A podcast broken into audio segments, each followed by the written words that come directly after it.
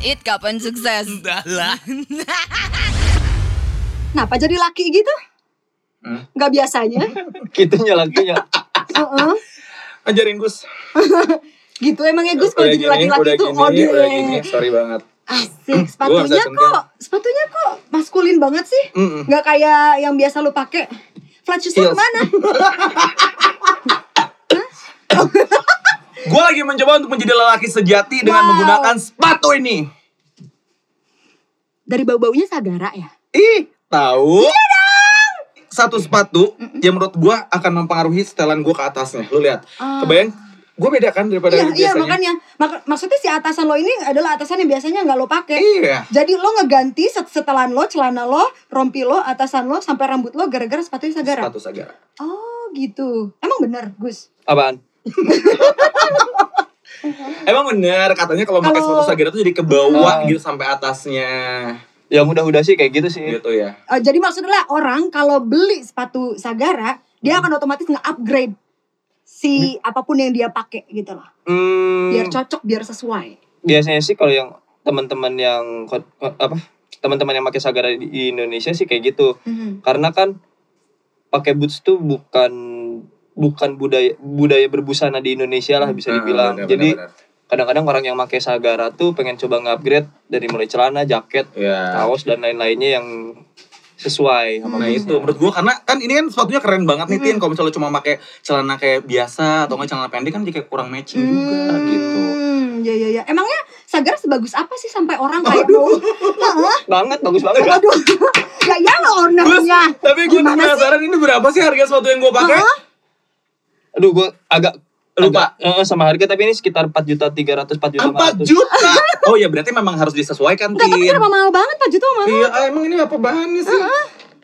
Eh, Apa yang bikin mahal 4 juta? Ini pakai kulit dari Italia na- nama tenerinya Badalasi Carlo. Oh wow. Aha. Tuh, Italian leather. Kulitnya lah. doang. Terus apa lagi? Kulitnya doang.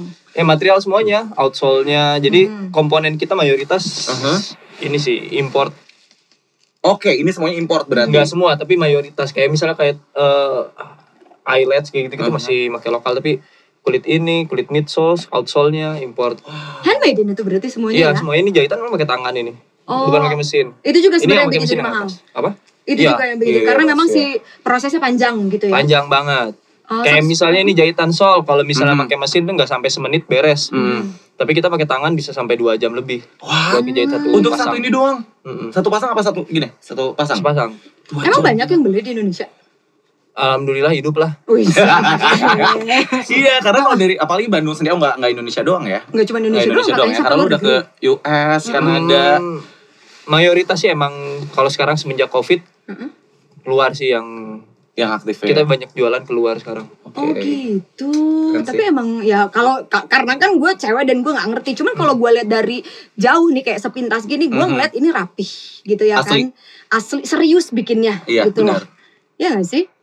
Keren sih. Keren. Keren Gitu. tuh DNA gua. Wih, Oh, sih. dari Gila. SMP, teman SMP gue Oh temen soalnya. SMP lo gitu. Tahu kalau dia dulu cheerleader? Eh, Dancer gue dulu mah. Oh dulu dancer lo. Iya, dancer. Hampir kelewatan.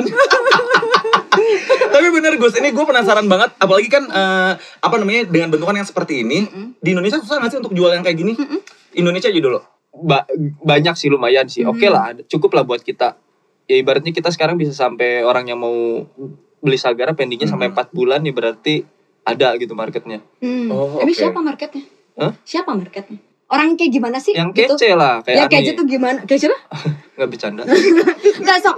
Oke, ini gue liat kece gitu ya. Eh. Ini gue liat kece. Tapi kalau gue eh, apa namanya ngeliat marketnya orang kayak gimana sih beli sepatu? Nah, Biasanya pula? ya yang dicari justru beratnya. Beratnya. Kalau ibaratnya kalau orang yang nyari barang-barang heritage itu biasanya satu ngelihat bobot, ngelihat Hmm. material, ngelihat proses produksi, ngelihat value-nya.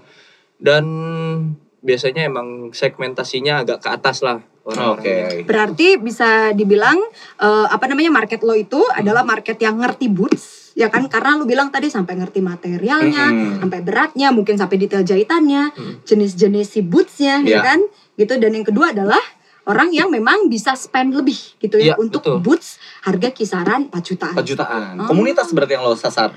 Komunitas orang-orang yang eh, cowok-cowok yang emang aware sama apa yang dia pakai. Oke. Tapi kalau gitu marketnya kecil dong, Gus. Eh, kecil tapi Kolamnya kecil gitu. ya, di dunia ada miliaran manusia. Asik. Tadi Iya ya, tadi ya, iya. Karena kita kan ngejarin iya. global. Ngejarnya global, nggak cuma Ah, di Indonesia. nggak cuma di Indonesia gitu. doang. Ah. Jadi kalau orang sebut, oh ya kolam lo kecil nih Gus gitu Hmm. loh. Kolam lo kecil tapi sebenarnya nggak cuma di Indonesia ya. Nggak cuma di Indonesia. Aha. Oke. Mereka yang nyari dari luar negeri juga Mereka yang nyari. produk yang nyari loh. Iya. Dan gila. Hmm, tapi emangnya ada untungnya gitu. Maksudnya lu nggak pengen gitu 10 tahun nih gitu lu nggak pengen kayak udah gue ekspansi Kawin lagi deh. apa gitu. Udah anak Pengen lu lucu, itu. anak lucu. Udah anak lu lucu, Gus. Jangan lu nggak lagi. pengen se- setelah 10 tahun lu nggak pengen ekspansi udah deh kali ini sih gue akan gedein aja gitu loh. Hmm, Maksudnya ada sesuatu yang harus gue jaga dari Sagara sih. Misal. apa sih? Misal, Mm-mm. atau gue ngambil contoh gini, gue ada ada grup WhatsApp namanya Sagara Squadron. Mm-mm. Jadi itu isinya konsumen-konsumen loyalnya kita lah. Mhm. Oke. Di sana gue sempat ngeflorin idea, boleh nggak Sagara ngerilis tas? Mm-mm. Mhm. Mereka Enggak, ngelarang. mereka nolak. Oh. Karena- apa? Karena mereka berpikir gue nggak mau brand ibaratnya eh, brand favoritnya mereka tuh bisa diakses semua orang karena ada produk yang secara harga lebih terjangkau. Iya. Bayang nggak? Mm-mm. Hmm. Kayak gitu. Nggak jadi berarti sebenarnya kalau gini kayak orang tuh kan uh, ada istilah kalau bikin bisnis tuh jangan yang terlalu idealis lah gitu Hmm, bikin aja uh-uh. market kalau ternyata lu mau untungnya besar gitu. Uh-uh. Uh, it's not always true. Uh-uh. Nggak selalu benar kayak Uh-uh. begitu tuh ya. Jadi Uh, sebenarnya lu bisa idealis dan lu tetap bisa bertahan. Satu, kalau misalnya kita nge-treat si usahanya sebagai portfolio kita kan bisa jadi cerita yang lain. Maksudnya berarti lu itu menjadikan Sagara sebagai portofolio, Hmm. orang mengenal lo sebagai owner dari Sagara gitu. Tapi lu bu- punya juga bisnis-bisnis lainnya gitu maksudnya. Ya harus punya, kalau enggak ibaratnya apa ya, kapan gua kawin lagi gitu. Canda itu canda. Udah Canda nggak sayang. bisa ada kalau udah disebutin dua mah Iya, itu mah bener. udah kayak nawai Udah itu sama banget sih? Iya bener-bener. Oh Iya. gitu. Oke oke, tapi bagus ya berarti ya. Jadi ya ya, ya. Jadi jadi kalau lu emang ternyata mau idealis sama brand lo Mhm. gitu, pastikan bahwa itu portofolio lo dan lu mau ngembangin bisnis lo tapi mungkin di hal yang lain gitu Iya, ya. iya. Hmm. Nah, seidealis apa sih eh, emangnya lu gitu loh? Apakah lu sampai kayak gua nggak mau ngiklan ah gitu loh. Gua nggak mau Enggak. dapat endorsement ah gitu loh. Sejauh ini belum sih. Sejauh ini Dari belum. awal Gus. dari awal alhamdulillah belum. Nggak ngiklan? Samsak. Enggak, Jadi apa? Orang-orang tahu ini dari mana promo atau awal?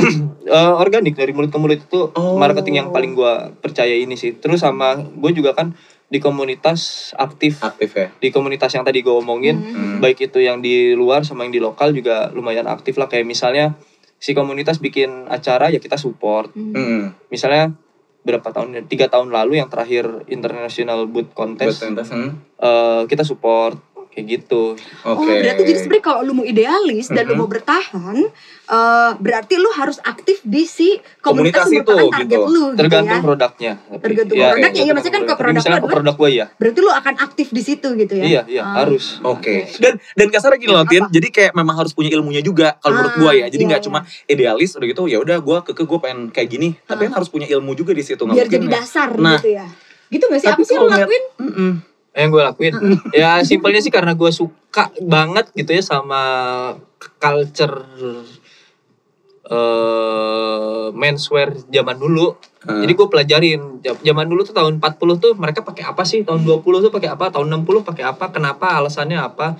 Jadi banyak banget baca artikel majalah banyak baca wawancara desainer sama ke digging aja gitu. Zaman dulu tuh material yang dipakai apa dan kayak misalnya sampai tahun 2016 ah gue lupa lah betul udah lama banget Hmm. dulu pokoknya sempat Sagara pakai part sepatu yang deadstock dari tahun 40-an karena gue pribadi emang koleksi barang-barang militeri sama vintage kan Hmm.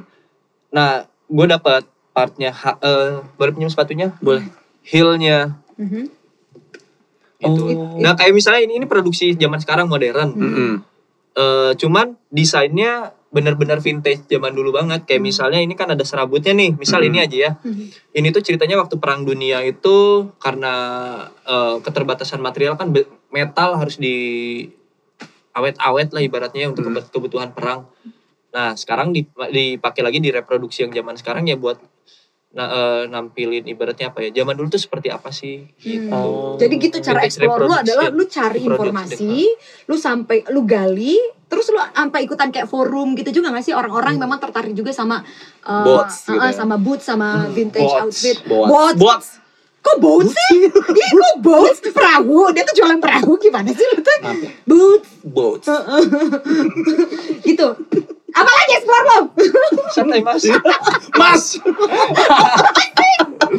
Iya kayak gitu. Eh, sampai ke gue juga digging soal materialnya ini kulit gimana sih di dibikinnya nggak cuman hasilnya ntar ini kulit yang bisa dipakai buat ini ini ini, Oh. Nah, enggak lu tahu ilmu-ilmu itu dari mana? baca Oh, baca. Oh, bener. bener, baca dan factory visit ngobrol sama ekspertisnya Oke, Hmm. ya udah eh, berpengalaman di bidangnya ya gitu-gitu ya. Apa gara-gara lu sekolah desain? Lu sekolah desain kan? sekolah desain tapi kan nggak ada nggak nggak spesifik ada kelas sepatu gitu enggak ya dilepas aja sama dosen lo mau bikin apa? Bikin sepatu. Oke ya udah dalamin si dosennya kan nanyain eh gue harus digging dari mulai historinya kenapa sepatu dibentuk? Dan terus banyaknya orang yang menurut kurang tepat mungkin ya, akan lebih tepat kalau misalnya orang mau bikin sepatu ya pelajarin manusianya bukan pelajarin desain sepatunya. dulu. Oh, Oh, kenapa? yang makanya siapa? Manusia. kebutuhannya Manusia. dia apa? Kayak gitu. Otot mana aja yang bergerak otot mana aja yang nggak boleh terlalu banyak aktif.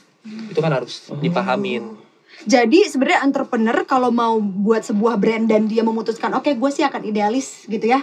Idealis dengan produk gue gitu. Pertama-tama yang harus mereka lakukan adalah mereka harus memperkaya diri mereka dengan informasi. Betul gitu. pasti. Oh, oke. Jangan yang semata-mata oke deh gue pengen produk gue itu kayak brand ini.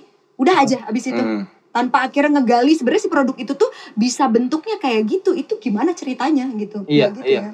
Iya jadi eh, banyak yang cuman eh, ketika bikin brand fashion kita ngomongin fashion aja cuman nangkep yang ada yang tampak di permukaan. Misalnya gue pengen kayak eh Supreme gitu misalnya. Yang dilihat ya desain-desain Supreme-nya doang. Tapi eh, motifnya mereka ngerilis koleksi ini tuh apaan? Udah gitu si James J. Baya tuh apa yang dia pikirin ketika dia ngeri, eh, ngebikin Supreme apa yang pengen dia angkat story-storynya tuh nggak kena. Hmm.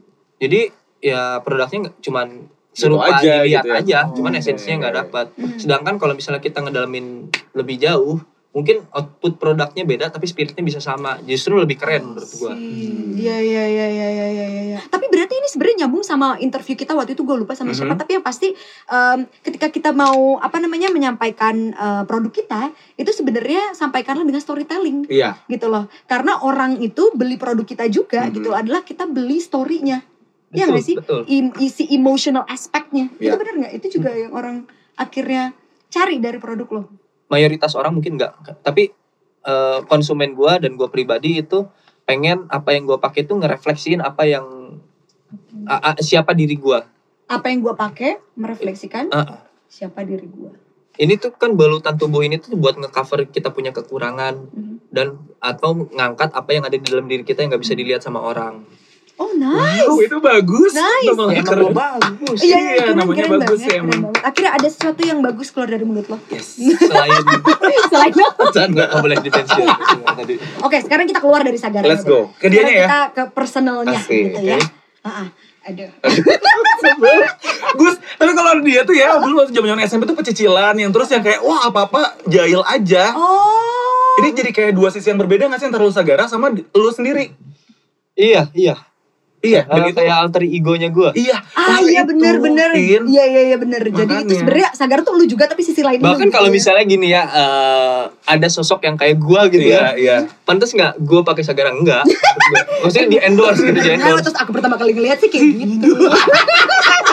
oh ini ya punya Sagara. Tin, iya, iya, iya. Oh, sering kok itu dialami Oh, sama serius? sering Sering. Oh. Ya udahlah, biarin aja yang penting kan hasilnya Enggak tapi sekarang. bener ya. loh maksudnya ya berarti lucu aja gitu loh bahwa seseorang itu punya alter ego dan alter egonya itu sampai lu jadiin bisnis, Bisnis. gitu. Lu hati-hatiin gitu loh.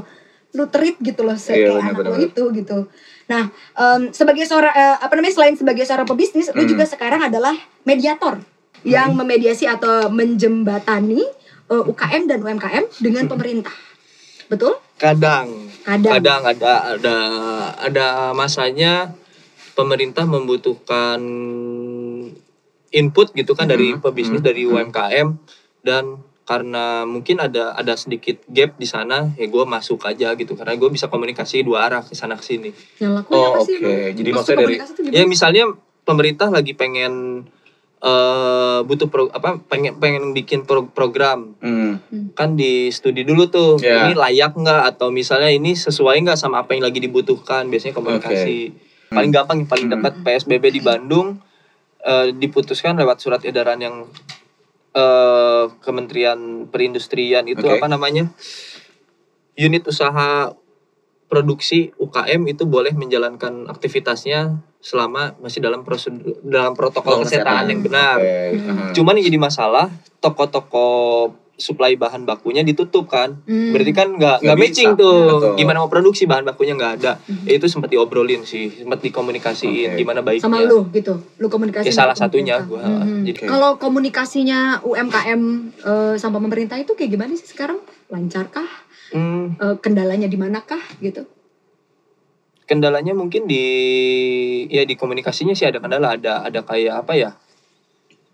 Ada kayak gap Iya, ya, mungkin karena perbedaan frekuensi cara berpikir kali ya. Hmm. Kalau kalau lokal brand kan kebanyakan dijalanin sama anak-anak muda Hmm. yang cenderung ibaratnya hmm, pengen segalanya berlangsung dengan cepat, Instan. simple Ya. gitu. Sedangkan kalau misalnya kita dealing sama pemerintah itu ada aturannya kan ada birokrasi. Hmm. Hal itu yang kadang malas dilewatin. Hmm. Nah itu kan berarti keinginan UMKM kayak gitu. Nah kalau keinginan pemerintah apa? Keinginan pemerintah ya pasti pengen ngegedein industri yang ada di Indonesia sih. Mhm. outputnya ya peningkatan jumlah lapangan kerja Hmm. yang terbentuk, Mhm. kemudian eh, pemasukan negara, Pajak kasih gitu. pajak kayak Hmm. misalnya ya GDP dan lain-lain lah itu. Eh, program-program pemerintah apa aja yang kalau lu lihat nih ya Hmm. eh, benefitnya tuh ada praktikal gitu loh buat buat eh, UMKM apa aja sih? Sering ada dari dinas-dinas kayak gitu, misalnya sertifikasi halal gratis Oh, untuk yang iya, itu ya? produk makanan, ah, Ada. kayak Mhm. misalnya eh, register merek hak cipta dan Mhm. lain-lain sampai ke trade show. Jadi pameran di luar negeri dengan dibiayain sebagian oleh pemerintah. pemerintah Kalau zaman gitu. dulu Oh, full, iya. kalau sekarang kalau nggak salah 70% apa berapa persen Oke. limitnya bisa tiga kali maksimal Hmm. Oke. dibiayain. Misalnya pengen pameran di US gitu, emang ada pamerannya yang cocok ya udah aja terbangin, nanti diterbangin dibantu gitu sama Mhm. pemerintah. Hmm. Oke, tapi makin sini makin kerasa dukungan pemerintah buat UMKM menurut lo. eh dua tahun terakhir lah kayaknya dua, ya? dua tiga tahun terakhir gila banget apalagi pas covid ini benar-benar Iya, iya, wah iya. edan si pemerintah benar-benar kayak all in banget gitu sama UMKM UMKM ya tinggal UMKM-nya aja bisa ngerespon apa enggak Tuh. Oke, balik lagi nih ke Sagara yang Mhm. super idealis itu ya Oke. gitu. Karena gue yakin sebenarnya di luar sana gitu eh, banyak entrepreneur yang punya produk, yang punya brand dan mereka tuh idealis gitu loh. Hanya mereka mendengar suara-suara yang lu jangan terlalu idealis lah gitu. Mhm. Maksudnya udah ngikutin aja market biar biar Follow aja banyak. gitu marketnya, Heeh, biar duit lu makin loh. banyak. Tapi mungkin somehow si entrepreneurnya ngerasa enggak gitu loh. Maksudnya menurut gue ini yang paling bener.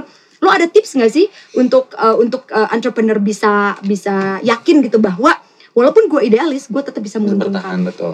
dan bertahan, benar. Hmm. balik lagi ke pribadinya masing-masing ya ke mentalitasnya kalau misalnya ada kalau gue orang yang enjoy ya maksudnya pengen ngelakuin hal di hidup gue hal yang gue senang Oke. gue nggak mau terbebani kayak misalnya gue harus bangun pagi gue hari ini harus ngas- ngasilin omset sekian juta Iya, rupiah jadinya stres gitu buat apa kalau gue sih ya ya senang-senang aja kalau misalnya ah besok gue lagi nggak mau kerja ya gue nggak akan kerja gue main aja Hmm, oke. Tapi yang ada sih kalau misalnya kita ngejalanin pro- pro- apa namanya bisnis yang idealis untuk di tahun-tahun awal ya bahkan sampai sekarang Mhm. itu pasti harus ngeluarin effort yang lebih Hmm. tidur eh, ibaratnya Kurang gitu. eh, eh, lebih larut Mhm. udah gitu di luar jam kerja ya harus rela berkorban itu aja cuman kalau misalnya kita ngelihat itu sebagai challenge Hmm. atau sebagai sesuatu yang menyenangkan ya pasti jadinya enjoy aja ngejalaninnya Hmm. Oke. Dan biasanya kan lu idealis karena lu suka. Iya, nggak sih? iya, iya, ternyata iya. lu suka Betul. gitu hal-hal seperti itu sebenarnya sama lu ya siap aja lu lewatin gitu loh. Mhm. kan ada orang yang idealisnya nyari duitnya bukan di Iya. produknya kalau Sebenarnya gue itu sih nggak bikin salah juga, produknya kan? nggak masalah Nggak salah kan? ya selama enjoy kenapa enggak gitu. Nah, yang pasti jangan iya. dibebanin aja. Iya, iya, iya. Nah ini berarti nyambung ke lo it kalau emang teratur, pakai flat shoes pakai flat shoes aja. Makanya. nggak usah sosan pakai sagara ya? Nggak pantas. Nggak pantas.